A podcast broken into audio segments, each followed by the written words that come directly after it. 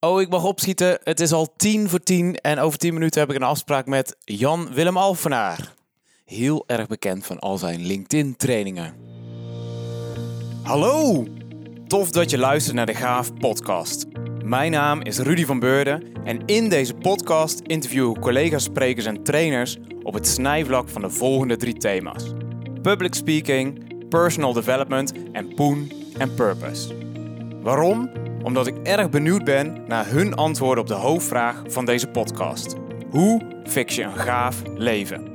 Dus, ben je ook benieuwd naar antwoorden op deze vraag? Of ben je op zoek naar meer energie in je leven en meer helderheid in je hoofd? Zet je dan schrap, want hier komt een volgende aflevering.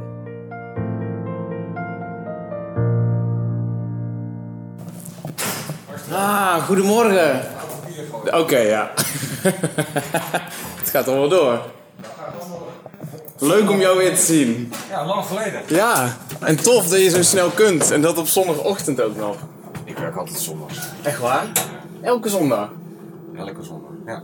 Ben je een beetje workaholic? Nee, het is gewoon druk. ja. Nee, maar ik vind het ook leuk. Maar dan compenseer je door de week of dat gaat ook gewoon allemaal door?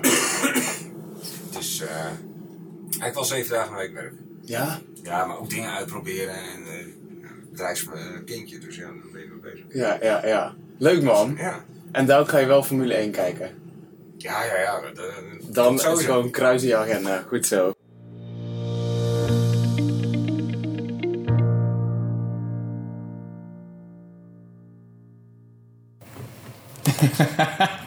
Alles digitaal? even- nee, maar even een foto hebben. Dat dat moet doen zijn, toch? Ja. Ik je altijd achteraf nog gebruiken. Leuk, zeker. Zal ik daar ook nog eentje maken? Top. hey, daar zitten we. Ja. Zondagochtend bij jou op kantoor. Tien Ja. over tien. Mooi, hè? nog een beetje, een beetje kleine oogjes of ben je sowieso vroeg vogel?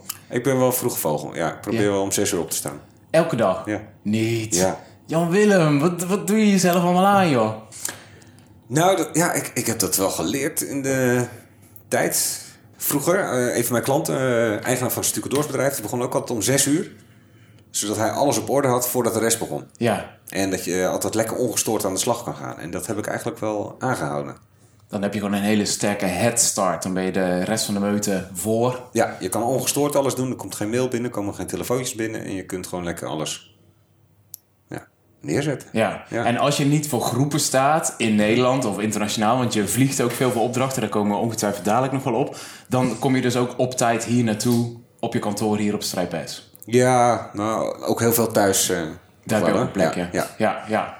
hey, ik, ik heb natuurlijk al een introotje die ik hiervoor kan plakken, maar hoe zou je jezelf introduceren? Jan Willem Alvenaar. Oeh.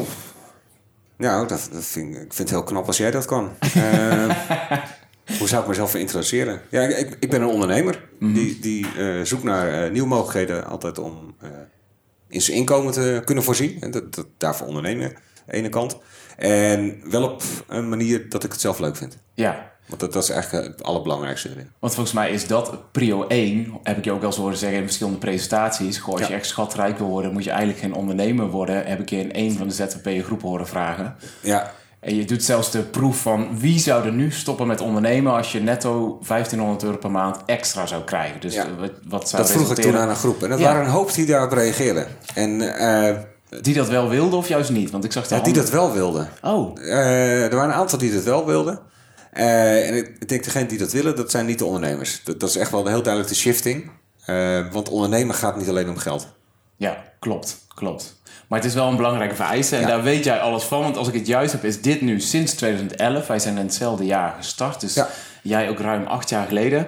Je derde onderneming al. Tot Ja. je twintigste ben je al bij, eh, tijdens je studie begonnen, als ik het juist heb. Ja, klopt. En dat ging niet helemaal samen met de studieresultaten, dus dat ben je toen gestopt. Ja, plu- plus ik deed groothandel in computers. En we hebben het dan over eh, eind jaren 90. En ik had een aantal computers gekocht eh, op voorhand. Van oké, ik ga ze verkopen, dus ik heb ze alvast ingekocht.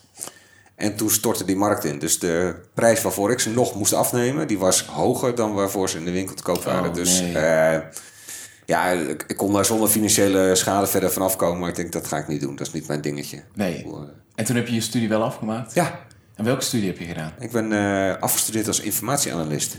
Ik heb informatiekunde gestudeerd. En dat is... eh, 19... Even kijken. Even, die computers verkocht ik eind jaren 80. En Ik ben inderdaad in 93 ben ik afgestudeerd. Jezus, wat lang geleden. 93 afgestudeerd. eh, Op het onderwerp WWW. Dat was even mijn afstuderen Het World Wide Web. Ja, en dat was toen eh, nog zo dat mijn IT-docenten geen idee hadden waar ik het over had. Dat ben je niet. Ja, dat was helemaal... Ik vond het helemaal fantastisch. Ik, wij hadden toegang namelijk op school. We waren een van de eerste die toegang hadden. Had ook al thuis toegang. Via, wat hadden we toen de tijd? Access for All was het al geloof Dan ik. moest je zo inbellen. Ja. Met zo'n piep. Ja, zo'n hele rare piep. Ja. Dus zo'n abonnement was best wel duur. Dus dat had ik met een vriend samen. En dan konden we om de beurt konden we inloggen. Daar spraken we dan ook af. En dan, eh, ja, dan konden we dus eh, het internet op. Vet. Ja, Vet. dat was echt eh, verslavend. Toen Ja. al.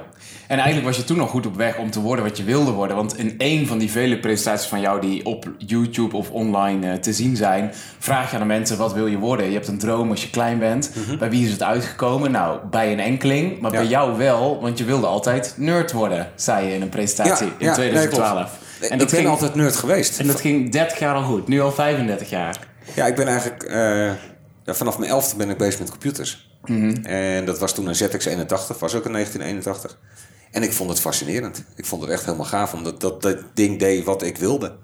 Ik kon het naar mijn hand toe zetten en dat vond ik wel iets heel fascinerends. En, en kon mij ook helpen met dingen. En ja, toen ging ik programma's maken als eh, 13-jarig jongetje voor een buurman... eh, die dan zijn adresbestand ermee kon eh, Digitaliseren, opslaan. ja. met een cassettebandje kon je het weer inladen en uitladen. En Maar dan was je echt het, de WizKid was je al. Ja, ja, ik was inderdaad toen de tijd wel zo'n wiskit, ja. En omschrijf je jezelf ook als een early adapter, wat dat betreft, qua technology en IT. Eh, was ik toen wel. Maar eh, nu, ben, eh, nu kan ik mezelf daar niet meer onder categoriseren. Er zijn mensen die daarna heel veel eerder andere dingen zijn gaan oppakken, nieuwe ontwikkelingen. Maar Maar het gaat razendsnel natuurlijk. super snel. Ja. Ja, ja, ja. Dus, dus dat was je eerste onderneming voor het inkopen van computers. Maar later, in 97, als ik het juist heb, ben je een tweede business gestart. Ja. En daar had je ook, Maakte ik eh, 3D-animaties. ja, dus ja, 3D-visualisaties, daar begon het eigenlijk mee. Eh CD-ROM eh, spelletjes voor eh, Lingo, Team voor Taal, Herexamen, allemaal die, die CD-ROM spellen die uitkwamen, die maakten wij in opdracht. Eh, en heel veel websites. En op een gegeven moment hebben we dat puur op internet ingezet. Ik had op een gegeven moment negen mensen in dienst. Maar in 2003, eh, ja, toen was het zo, ging het zo slecht eh, in de markt. En ja, dat was een crisis die we niet konden overleven eigenlijk. En ik had werk voor drie man, ik had negen man in dienst. ja, Dus ja, dat daar ging gewoon failliet. Ja, ja, precies. Ging over de kop. Ja. Maar dat was op een bepaald punt ook in een hele specifieke sector, of niet? Heb je me ooit eens verteld, een paar jaar geleden. Ja, internet. Ja, maar dan ook de website. Ja, we deden... Oh, die sector. Ja, XXX. Ja, nou, we, we hebben in de begintijd... Hoe zat dat? In de begintijd... eh ach ja, dat komt wel gewoon... Het, het is toch wel eh, bekend voor een aantal mensen. We hebben de eerste versie van porno.nl gebouwd. en in opdracht... Hij was, de naam was niet van ons. Eh, maar er was een partij die had die naam gekocht en die had de content. En wij hadden de techniek om dat gaan doen. En hij had hem eigenlijk net voor mijn neus weggekocht. Want ik had ook wel interesse om die naam te gaan kopen toen de tijd. En dan hebben we het over bedragen van 50.000 gulden. Dus dat is Om die URL te kopen. om de URL te kopen. En dat is eh, peanuts ten opzichte van wat die URL waard is. Ja, ja, ja. Want eh, Dat is een enorme markt. we hebben in een zomer hebben wij eh die hele website gebouwd. Eh, en ja, daarna alleen maar eh cashen. Daarna was het alleen maar inkomsten uit advertenties binnenhalen. Omdat dat er was- zoveel traffic was. ja, dat zoveel was bezoekers. echt niet normaal. Ja. Ja. Ja, de naam alleen had toen de tijd eh, 2000 hits. Dat, dat is misschien nu niet meer veel, maar dat was puur alleen op de naam. Oké. En toen hadden we daar content op gezet. Toen ging die naar 5000 hits per dag. En ja, dat, dat ging maar doorgroeien. En elke, wat met de, de partij van wie de naam was, hadden we gewoon afspraken gemaakt van oké, 50-50 van de advertentieinkomsten. Zo. Nou, daar kon ik aardig wat mensen voor betalen toen de tijd. Ja. Ja. maar dat was dus in de beginjaren van die tweede business. Dus Ja. echt eind jaren 90. Eind rond jaren de 90, millennium. ja, rond eh, 2000. Ja. Ja, ja. En daarna ging het helaas downhill. Nou, hij heeft op een gegeven moment die naam verkocht zonder mijn medeweten. Oh. Ehm, dat had, eh, er was namelijk, eh, er stond een contactadvertentie, stonden er ook op. En daar was dus een meisje ook benoemd door iemand anders eh, met het telefoonnummer. En dat meisje heeft een zelfmoordpoging gedaan. Oh. En toen stond de politie voor de deur bij eh, die eigenaar van die naam. En die heeft meteen gezegd, deze narigheid wil ik niet. En heeft het meteen verkocht. Hij had mij niet eerst gebeld. Eh, dat had hij wel moeten doen. Want dan hadden wij eh, ja, eerst, ten eerste contactadvertentiesysteem eraf gegooid. En ten tweede had ik hem wel willen hebben, die naam. Ja, ja, ja, ja. Ja. Dus, en spreken die persoon nu nog? Nee, Het is wel schimmig gelopen natuurlijk. Nee, eerlijk gezegd, ik zou niet eens meer weten hoe die man heet. Oh. Nee, dat, En we move on. ja, next. Ja. Nee, maar toen zijn voor heel veel eh, reguliere bedrijven zijn we eigenlijk die technologie ook gaan toepassen. Kijk, eh, seksindustrie in die tijd was altijd wel de voorloper. Dus eh, daar konden we heel veel dingen in testen. En dan heb ik het niet over de, de content, maar alles eromheen. Over hoe die content beschikbaar was. Hoe je bezoekgedrag gingen we dus meten. Dat was voordat de Google Analytics allemaal was. Ja. Dus we hadden daar zelf allerlei scripts voor waar waarmee we precies konden zien wat, wat vinden mensen leuk, wat vinden mensen niet leuk en dat meer naar voren laten komen. En dat was ja, een hele goede leerschool voor ons. Ja, ja, Dus we hebben heel veel geleerd over hoe werkt die technologie en hoe gaan bezoekers door een website heen. ja. Nou, dat, dat hebben we daarna toegepast voor gewone bedrijven. Ja, precies. Waardoor je dus eh, voet aan de grond kreeg in andere sectoren ook. Ja. ja, en mensen vragen zich nu af, goh, met wat voor persoon ben je nu weer in gesprek, Rudy? Met Jan-Willem Alphenaar. Want ik zit hier omdat je nu voornamelijk heel veel LinkedIn-trainingen verzorgt. Eh, nationaal, maar ook internationaal. En heel veel kennis deelt. Dus je omschrijft jezelf ook wel als een kennisdeler eigenlijk. Ja. Het is een van de belangrijkste pijlers van de Nederlandse economie natuurlijk. Maar ik wil toch nog even, voordat we daar dieper op induiken, terug naar, dat, ja, na- na- naar die veel magerere jaren. Dus 2003, het ging over de kop. En ja, dat is ook niet echt in je koude kleren gaan zitten, denk ik. Want toen is dus een faillissement aangevraagd. Ja, En ik kreeg een faillissement en eh, ik had geen BV. Dus ik ging ook, eh, persoonlijk ging ik failliet. oh, het was Dus, een eh, eenmanszaak. Ja, dus dan ben je huis, auto, vriendin, want die hoort bij de auto. Eh, alles ben je eigenlijk kwijt. Ja, je wil alles de kwijt. vriendin hoorde bij de auto. Ja, dat, dat zeg ik altijd gekscherend, maar die, die heeft me best wel snel laten vallen, ja. Oh shit. Eh, maar het, het ergste was toch wel dat je eigenlijk je identiteit kwijt bent. Want ja, in mijn omgeving kenden mensen mij als die internetondernemer. Ja. En ja, ineens was je de failliet. Dus dat- ja, Maar wat, wat, wat was het grote verschil dan? Ja, het niet hebben van geld, maar je zegt, je raakt je identiteit kwijt. ja is eh, ik wist zelf niet meer wie of wat ik was en wat ik nou moest gaan doen. Want in één keer, dat, dat, dat- eigenlijk wordt in één keer wordt die grond onder je voeten weggehaald. Want dat is eigenlijk wat gebeurt. En je bent alles kwijt. En ineens, ja, ja, dat duurt wel een paar dagen of een paar weken voordat je het realiseert wat er eigenlijk allemaal aan de hand is. Eerst zit je in de waan van de dag alles eh, regelen en doen. En Ja. ja, kijken of je nog iets kan behouden van wat je had. En ja, daarna komt op een gegeven moment het besef. eh, fuck, ik ben echt alles kwijt. Maar een soort van rouwperiode of zo ook. Of, of... Ja, ik, het klinkt heel stom. Ik, ik zat op een gegeven moment... Er was een bedrijf had het overgenomen. En ik zat eh, in de auto onderweg naar een nieuwe klant. Eigenlijk in dienst dus van een ander bedrijf. Dus mijn, eigen bedrijfje... Ja, dat, dat moest ik nu verzorgen, maar het was niet meer van mij. Het, wa- het was mijn kindje, maar niet meer van mij. Dus en dat zij was best wel een doorstart of zo. Ja, En zij- die- zag er gewoon potentie in. Dus die Hebben jou toen in dienst genomen? Ja, want ja, ik wilde wel werken. Ja. Ik kan wel zielig thuis gaan zitten. Mhm. Maar eh, toen zat ik in de auto en ik was onderweg naar een klant. En het begon te regenen. En mijn oude telefoonnummer deed ineens niet meer. En toen kwam, eh, was er nog een liedje op de radio. En ik brak en ik begon ineens keihard te janken. Oh. Echt in één keer was het poef. In één keer kwam het hele besef van, van wat eigenlijk al die weken ervoor altijd gespeeld kwam in één keer uit. Ik ben ook niet naar die klant gegaan. Eh, ik kon hem ook niet afbellen. Mijn telefoon deed ook niet meer niks. Dus, nee, ik, het was echt gewoon, eh, het was gewoon klaar. Alles wat tegen, ja. Ja, en toen ben ik eh, één dag depressief geweest. Echt dat ik het gewoon niet meer wist wat ik moest gaan doen. Echt een dag thuis gezeten. En toen op een gegeven moment realiseerd van, wacht even. Erger dan dit kan het niet worden. Ik ben nu alles kwijt. This Ik weet, het is een periode die duurt drie jaar. Oké, in mijn geval heeft het 4,5 jaar geduurd. Maar dat is, normaal duurt dat drie jaar. En dan is het over. De schuldsanering bedoel je? Ja. ja. Dus als ik eh, daar mijn weg aan weet te vinden, dan kan het alleen maar beter worden. Ja. En toen ben ik eigenlijk weer eh, ja, gaan genieten van dingen. Ja, wauw, dat is heel sterk eigenlijk. Want je Ja, moet je referentiekader ook heel drastisch bijstellen. Ja, ja, ja. Ja, hier heb je me eerder over verteld, een paar jaar geleden. Volgens mij toen we samen op weg waren naar Hilversum... voor een uitreiking van de beste speech van Nederland. Ja. Misschien kunnen we dat daar ook nog even kort benoemen. Maar toen, als ik me het juist herinner, zei je toen dat je erachter kwam... dat je tijdens de schuldsanering een vergoeding kreeg... die nog lager was dan dat je een paar maanden eerder maandelijks kwijt was aan je auto. Ja, dat klopt. Eh, Dus je reed een super dikke bak. ik reed een super dikke BMW. eh, En die en was daar betaalde duur. ik een x bedrag voor per maand. En dat was meer dan wat ik eh, aan vrij toelaatbaar bedrag kreeg toen ik in de schuldsanering zat. dus toen ik die factuur zag, toen had ik echt zoiets van... What the fuck was I thinking? Ja. Maar oh, kijk, op het moment dat je veel geld verdient... en dat is het risico wat je als ondernemer hebt... dan ga je ook meer uitgeven. Ja, En, en, en dan, eh, is 100 euro. Dat, dat heeft geen waarde, weet je. Dat is 100 euro. Ja. Terwijl als je in de schuldsanering zit, dan is 100 euro. Als je al je kosten hebt gehad, is datgene waarvoor je een maand lang moet eten, drinken, Ja. kapper, eh, alles en nog Alles, wat. ja. Dus dat, dat zijn, ik ben heel anders naar geld gaan kijken daardoor. ja. En doe je daar nu je voordeel mee in je derde bedrijf? Ja, absoluut. Hoe dan? Ik heb gewoon hele lage eisen voor mezelf. Lage eisen, Ja. lage kosten ook. Want net voordat de microfoon aanging, zei je dat je ging verhuizen van deze locatie op Strijp S iets verderop in Eindhoven. Ja. Waar je hetzelfde betaalt, maar wel twee keer zoveel vierkante meters hebt. Ja, Dus je, je kijkt ook veel beter naar van, ja, wat levert een euro me eigenlijk op dus, ja, ja absoluut. die je uitgeeft. Ja. Ja. Wauw, tof. Dan moet ik even hoesten. Verkoudheidje is bijna over. No worries, mag allemaal. Ja. Ja. Eh, nee, je gaat er bewuster mee om. Eh, ik zal geen grote uitgaven meer doen.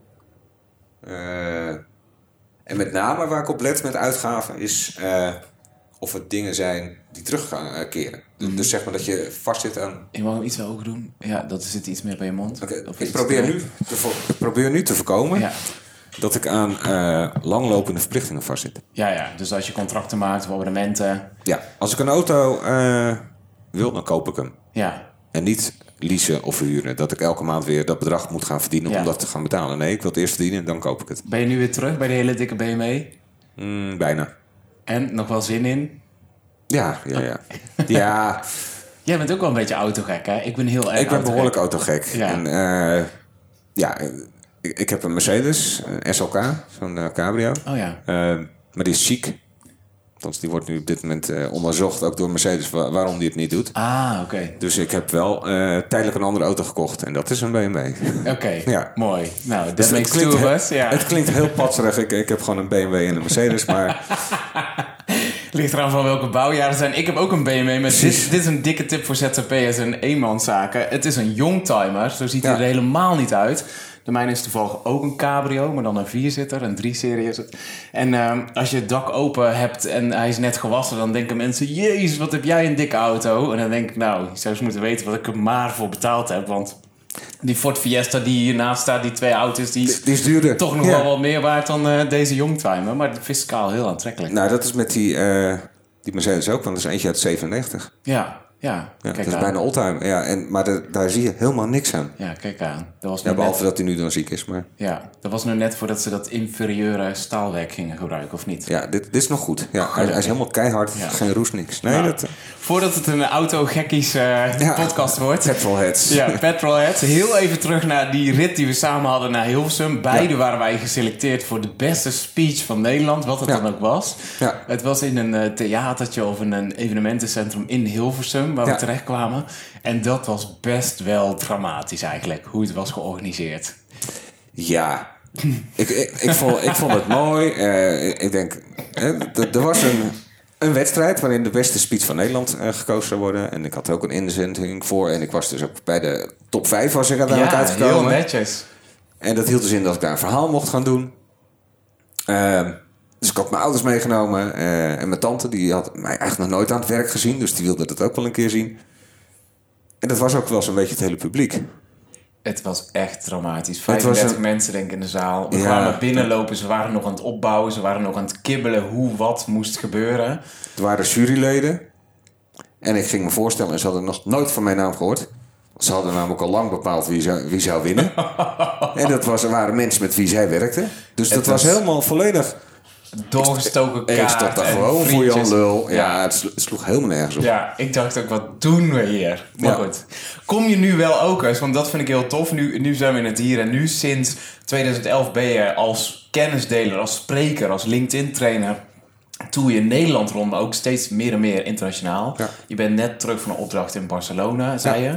Ehm, je hebt eergisteren een hele korte nacht gehad daardoor. Dat is dan wel de downside Ja, dat misschien. is af en toe wel. Maar Ja. dat is niet erg. Dat Maar compenseert eh, door het feit dat je er bent. Ja, de vraag die ik heb, kom je nu nog ook wel eens op plekken waarvan je denkt, nou, nou, nou, nou, in de voorbereiding had ik X verwacht, maar nu ben ik er en het is eigenlijk eh, twee paardenkoppen en een, eh, en een dorpsgek zit er in de zaal? Of komt dat steeds minder en minder voor? Nou, ik, ik verhuur me alleen nog maar aan bedrijven die zelf iets organiseren. Oké, Dus eh, dat risico heb ik niet meer. Dat risico ligt bij de klant.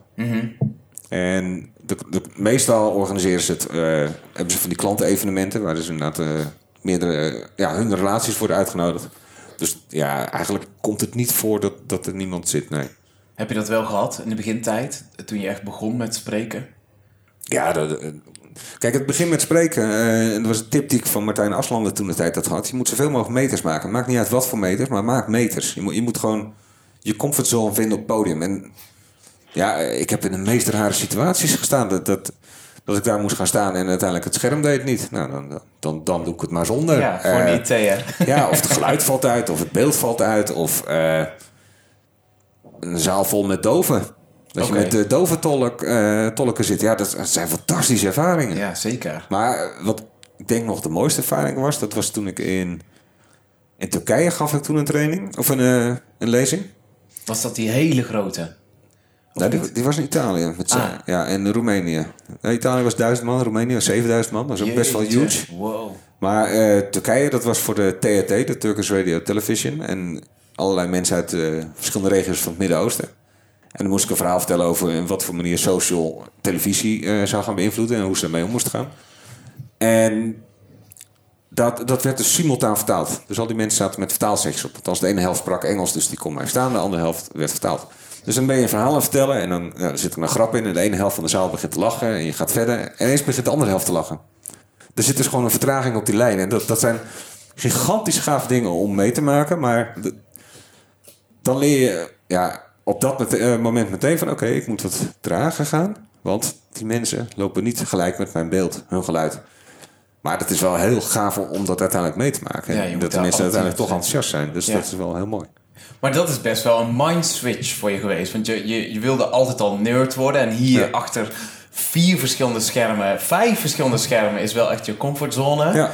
Maar op het podium staan is dus wel echt being out there. En aangestaard worden door duizend of door 7000 man. Ja, maar eh, weet je wat het is? Eh, Ik ben van nature hartstikke verlegen. Ja, En op podium staan, dat is veilig. Hoe raar het ook klinkt. hoe dan? Omdat je hebt een afstand tot die mensen. Je bent niet één van de mensen, je bent afstand en zij luisteren naar jou. En op, ja, de eerste keer dat ik moest spreken, eh, geloof me, ik ben acht keer naar de wc gegaan hoor. eh, Vlak voordat ik op moest. Allerlei smoesjes bedenken. Ik ga, ik ga, ik ga. Nee, ik wil niet. Eh, Op zo'n manier. Ja, En toen het helemaal stond en ik stond daar mijn eigen verhaal te vertellen, want het was echt een, was over de DSB de Movie, een film die ik toen de tijd had gemaakt. En mensen zaten gewoon gefascineerd naar mij te luisteren. Ik denk, hé, hey, doordat ik iets vertel wat gewoon waar is en wat van mijzelf is, dan, dan ik probeerde niks te verkopen of een verhaaltje op te houden. Nee, ik vertelde gewoon een daadwerkelijk iets van wat er gebeurd was. En, en dan, ja, toen kreeg ik wel het gevoel van, oké, dit, dit durf ik. En toen ben ik het meer gaan doen. En ja, ik denk dat ik mij meer op mijn gemak voel op een podium eh, voor duizend man. Dan dat ik in een eh, groepje met drie, vier mensen met elkaar moet gaan praten. ja. Ja. daar heb ik het wel eens vaker over met collega's, ook met, met trainees. Vorige week nog met studenten in Tilburg. Dat het veel makkelijker is om als onderdeel van een publiek van drie iets ergens van te zeggen of te vinden. dan wanneer je onderdeel bent van een publiek van duizend man. Want als je dan iets doms zegt of eh, een opmerking maakt waar niemand op zit te wachten. dan heb je 999 mensen tegen je in plaats van twee. Ja, Dus dat maakt dat het voor een spreker soms ook veiliger is inderdaad om een hele grote groep. eh, ja we gaan er maar vanuit dat 80% van de mensen die daar in die zaal zitten niet met jou durft te ruilen. Nee, precies. Dat, dat ze al respect voor je hebben voor het feit dat je er staat. Ja, En dat, dat geeft je een voorsprong. ja. Dus En- dit is en- eigenlijk al een hele snelle, dikke tip voor mensen die een beetje spreekangst hebben en niet voor de groep willen. Wij nu, Ja. Jan, Willem en Rudy, zeggen: hey, ga even voor een groep van duizend man staan in plaats van tien collega's. Ja. Want het voelt minder eng. En wa- wat, wat kan er misgaan? Ja, ja. Alles. alles. Ja, je bent Ja. je woorden kwijt. Ja. Heb je al eens een hele grote fuck-up gehad? Eh, nou, ik heb wel eens op een gegeven moment een, een- een besef gehad. Ik, ik, heb, ik heb de film gemaakt, hè, Days by the Movie. Dat was de eerste crowdsourcing film, dus daar wilde iedereen verhalen over horen. Van de bank, Dering de Ja. Scheringa bank. Ja, ja. ze hadden eh, een film over gemaakt. En met name dat proces was zo interessant en dat, dat vertelde ik altijd. En ja, op een gegeven moment, ik had het verhaal al veertig keer verteld. En ik denk dat je net als ik wel weet, als je elke keer hetzelfde verhaal vertelt, dat gaat op een gegeven moment gaat vervelen. En ik was in het theater in Valkenswaard. En ik was mijn verhaal aan het doen. En halverwege, en ik kijk zo naar mijn slides en denk, fuck, ik ben echt pas op de helft. Ik moet dat hele verhaal nog doen. Dus ik had er geen zin meer in. dan zit je dus met een volle zaal. Een theaterzaal. En ik denk, weet je wat? Ik ga het gewoon zeggen. Dus ik, ik zei gewoon tegen mensen. En ik zeg even heel eerlijk. Ik heb dit verhaal nu al zo vaak verteld. Het is voor mij niet meer leuk om te vertellen. Dus ik wil eigenlijk niet verder. Is het een idee als jullie mij gewoon vragen gaan stellen? Ik daarop ga antwoorden. Dus ik ben op de rand van het podium gaan zitten. En het is- werd gewoon een vraag- en antwoord verhaal. Ja. En daarna heb ik nooit het verhaal niet meer gedaan. Daarna ben ik er ook mee gestopt. Totdat ik twee jaar later nog eens een keer gevraagd werd. En toen ben ik gewoon het verhaal opnieuw gaan vertellen. Zoals ik op dat moment dacht dat het gegaan was. Ja, ja, En hoe het dat moment voor mij voelde. Dus niet meer mijn oude verhaal, mijn oude slide. Nee, weg met die troep. Ik vertel het gewoon even nieuw. En toen was het ook leuk om te doen. Ja, tof. Ja. Want die drang zit wel heel erg in jou, hè? Om dingen te blijven updaten, te tweaken. Eh, je, je zegt ook dat je vaker hier op zondag zit om gewoon aan dingen te werken, om dingen te optimaliseren. Ja. Want is het ooit goed genoeg? Of ben je eigenlijk een beetje perfectionistisch? Ja, of misschien wel gedreven door angst, hè? Door ooit failliet te zijn. Ja? Ja, dat je bang bent dat als je dingen te veel laat liggen, dat je denkt van, oh, ik Ja, heb geen wel? controle. Ja, ik, ja. Mijn vrouw doet de boekhouding, die wordt wel eens gek van mij, want ik wil eigenlijk alle minuut, elke dag wil ik kunnen zien hoe we ervoor staan. Maar daar heb je toch allemaal apps voor? Ja, maar dat moet wel, dingen moeten wel allemaal ingeboekt zijn en Ja, geüpdate ja. zijn. Anders wordt, ja, daar kan ik heel slecht tegen. Nou, maar... eh, eh, En, en dat is echt, dat heb ik overgehouden aan het faillissement. Oké. Want die heb ik niet aanzien komen. Nee. Oké, daar zou ik me... Dus... Oké, ik, ik kan het niet begrijpen, want ik heb het zelf nooit meegemaakt. Ik heb ook nooit... Moet je ook niet doen. Zoveel Niet nodig. Nee. Goeie tip, dankjewel. ik heb nooit zoveel ehm, personeel gehad en dat, dat is ook niet echt mijn ambitie eigenlijk. Nee, niet maar hebben. tussen jou en mij en alle luisteraars, gewoon als je zelfstandig spreker bent en vooral iemand van jouw kali- kaliber en formaat en met jouw bekendheid. Ja. eh, figuurlijk hè, want je slaat nu heel hard op je buik. Ehm, da- da- dan is het toch, je hebt toch zo je omzet bij elkaar. ja, En als je dan ook parallel daaraan wat je ook hebt geleerd en wat je daarnet benoemde, eh, realistisch bent en, en voorzichtig bent met je kosten of met je uitgaven, dan. Nee, klopt. Maar ik heb een BV, dus ik moet mezelf eh, verplicht een bepaald salaris uitbetalen. Ja, dus, ja. dus dat moet elke keer binnenkomen. En Ja. ja, er zijn een aantal zaken eh, waardoor ik... ik heb wel vaste lasten. Ja, ja. Dus het is Ook wel. al zijn ze minimaal, maar ze zijn er wel. Ja, En er zijn periodes, in mijn vak, en dat zal in jouw vak ook zijn... er zijn- zijn een aantal weken in het jaar dat er niks is. klopt. Ja, Nou, bij ons was het gelukkig afgelopen zomer... hebben we dat maar twee weken gehad in plaats van acht weken. Maar ja, dat- dus daarvoor wil je elke keer bufferen. Je wil, je wil buffers opbouwen. ja. En, en dan weten hoe groot is mijn buffer. En niet eens zozeer dat ik bang ben dat ik volgende week mijn rekening niet kan betalen. Daar, daar zit ik niet over in. Maar kan ik volgend jaar mijn rekeningen betalen? Ja, ja. En zover zit ik Ja, te denken. Ja, en, en dat, dat is toch wel een dingetje. Dat, ik denk dat het wel een, eh, een krasje is. Dat is blijven hangen na zo'n faillissement. ja, ja. Ja. D- Duidelijk misschien ook wel, ja. Heb je daar een tip voor voor mensen die voor zichzelf werken, al dan niet een BV hebben of ZWP'er zijn of willen starten? Heb je een, een, een, een vuistregel bijvoorbeeld, hoe je, hoe je het nu aanpakt? Dat Ja. je toch wel een jaar lang eh, op je buffer moet kunnen teren? Of... Ja, to- toen ik weer in 2011 voor mezelf begon, toen, toen spaarde ik tijd. Je dus het geld tijd. wat ik verdiende, dan wist ik, oké, dan kan ik drie maanden doorkomen. Dus ik, ik, ik spaarde voor tijd. Ah, dus, Dus ah, het bedrag het- zet, het zet geld- je gewoon om in Ja. hoeveel maanden kan ik daarvan leven? Ja. En ik denk dat dat wel goed is, want je weet gewoon niet eh, in welke business je ook zit, eh, hoe die business volgend jaar loopt. Ja, ja. Natuurlijk, je kunt er allerlei modellen op loslaten en je kunt allerlei verwachtingen. En wat wij aan het doen zijn, wij zijn echt heel duidelijk, die, die, wij zeg ik, eh, mijn vrouw en ik, we zijn heel duidelijk aan het kijken, oké, die dienstverlening die we nu doen, hoe kunnen we die nog meer toekomstbestendig maken? ja. En always improving, dat is eigenlijk onze, eh, de missie van ons bedrijf. Eh, we willen onze eigen diensten steeds verbeteren en optimaliseren aan de behoeftes van de klant. Maar ook de klant helpen om te verbeteren. ja. Ja. Dus ja, dat always improving. Dat is denk ik, een, eh, mijn vuistregel is dat je zorgt dat je altijd jezelf kan verbeteren. Maar ben je dan ook ooit wel eens helemaal ontspannen en at ease? Jawel. Ook. Ja. Want dat vind ik, het, het is gewoon een gegeven dat vanaf half juli tot half augustus gebeurt er gewoon vrijwel helemaal niets in mijn business. Nee. En de eerste twee jaar dacht ik, what is going on? En nu weet ik gewoon dat dit de zomerstop is. Dus er gaat Ja. er één groot kruis in mijn agenda. Ben Ja. ik vier weken weg. Wekenlang kamperen of hiken of hup het buitenland in. Heerlijk. Ja, En dan eh, begint de drukte weer. Dus ehm, ja dat hebben, over twee weken ga ik weg. Ja, Ja, dan ga ik een weekje weg. ja. hey, en wat is jullie plan B nu? Want jullie zijn ook langzaam bezig is het met nieuwe kantoorpand, heet Plan B, hè? Ja, ja, ja. Grappig trouwens Ja, ook, ja. Maar ook naast dat je zelf fysiek voor groepen staat als trainer of als spreker... Ga je nu ook steeds meer LinkedIn... Want je bent gewoon een expert op LinkedIn. Laten we dat gewoon voorop stellen. Ja, maar- onze core business draait rondom LinkedIn. Ja. Ja. en die niche heb je eigenlijk de afgelopen jaren steeds verder en verder getweakt. Dat je daarop echt gevonden wordt. En Ja. daar heb je ook een model op ontwikkeld. Het Peace-model. Ja, ja een eh, model ontwikkeld, januari 2016. Waarmee, eh, als je je daaraan houdt, je, je succes kunt hebben op LinkedIn. En of dat dan eh, verkoop is, of het vinden van een nieuwe baan, of vinden van nieuw personeel. Maar elke vorm van succes die je zou willen kunnen behalen met LinkedIn, gaat op basis van het Peace-model. Nu wil je ook weten wat het inhoudt natuurlijk. Eigenlijk wel, ja. Het is dus niet Peace van vrede, maar Peace van dopertjes. Ja, Ja. P-E-A-S. Ja. Ja. het klinkt heel stom. Eh, maar er zit wel een gedachte Het achter. dopertjesmodel door Jan Willem Halfnaar. Ja, ik heb het zelfs eerst als logo gebruikt, een dopert. Maar goed, het is zo klein, niemand zag het. Dus, eh, anyway. Hey, het PIS-model, dat, dat gaat vanuit als je succes wil hebben... eh, dan begint alles met je personal brand, met je profilering. Eh, als jij als Rudy zegt, oké, ik, eh, ik ben dagvoorzitter... en ik eh, doe allemaal gave dingen en mijn bedrijf heet gaaf...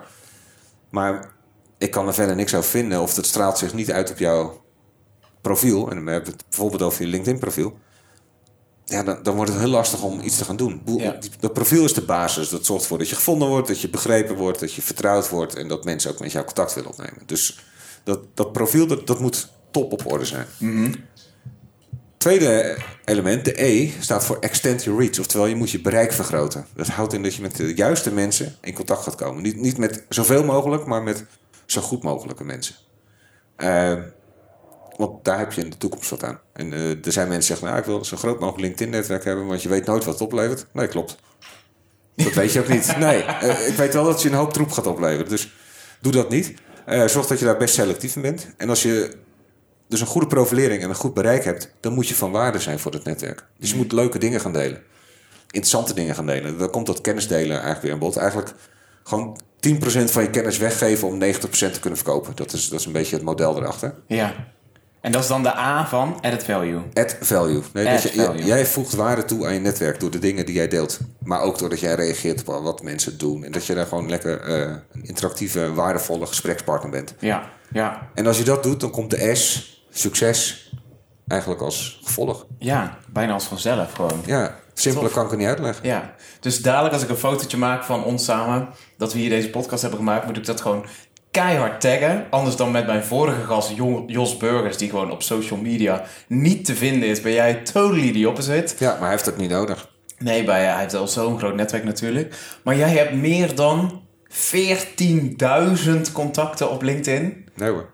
Niet? Nee, volgers. Volgers zelfs. Ja, er zit, er zit een verschil tussen connecties en volgers. En als mensen dan... eh, je kunt, eh, als je mijn profiel bekijkt, kun je helemaal niet zien hoeveel connecties ik heb. Oké. Dat kun je bij niemand zien. Je kan alleen zien hoeveel volgers ze hebben. Ah, oké. Behalve wanneer mensen onder de 500 connecties zitten, dan zie je het precieze aantal connecties. Ja. Maar anders zie je het aantal volgers. Dus dat zijn connecties plus volgers bij elkaar opgeteld. Ah, oké. Maar we hebben wel, want ik heb natuurlijk een beetje zitten voorbereiden en al die profielen. Ik denk, oh, daar gaat hij me over horen met al die verschillende hoeveel websites heb ik en wat zijn mijn stat, stats. Ik weet het niet. Nee, je zit nee te knikken, Nee. zit wat te grappen. Ehm, maar we hebben wel 394 mutual connections. Ja, Dat is echt wel een enorme groep. Eindhoven. Ja, precies. Gezellig hier. In Ja. deze Brabants podcast. Ik ga ook het land in, overigens hoor. Dat zou ik ook zeker Ja, aanraden. ja, ja, Ja. Heb je dadelijk nog namen voor me misschien? Misschien kunnen we dat dadelijk na de Ja. band nog even doen. Leuk. Hey, ik zit even op de tijd kijken, want we zijn lekker onderweg, maar we hebben ook nog wel eventjes. Ehm, heel veel dingen hebben we al benoemd. Super tof dat je al met je derde bedrijf bezig bent. Ehm, je wilde nerd worden en je bent nog steeds lekker op weg. Ehm, ik, ik vind het super tof om te horen dat jij...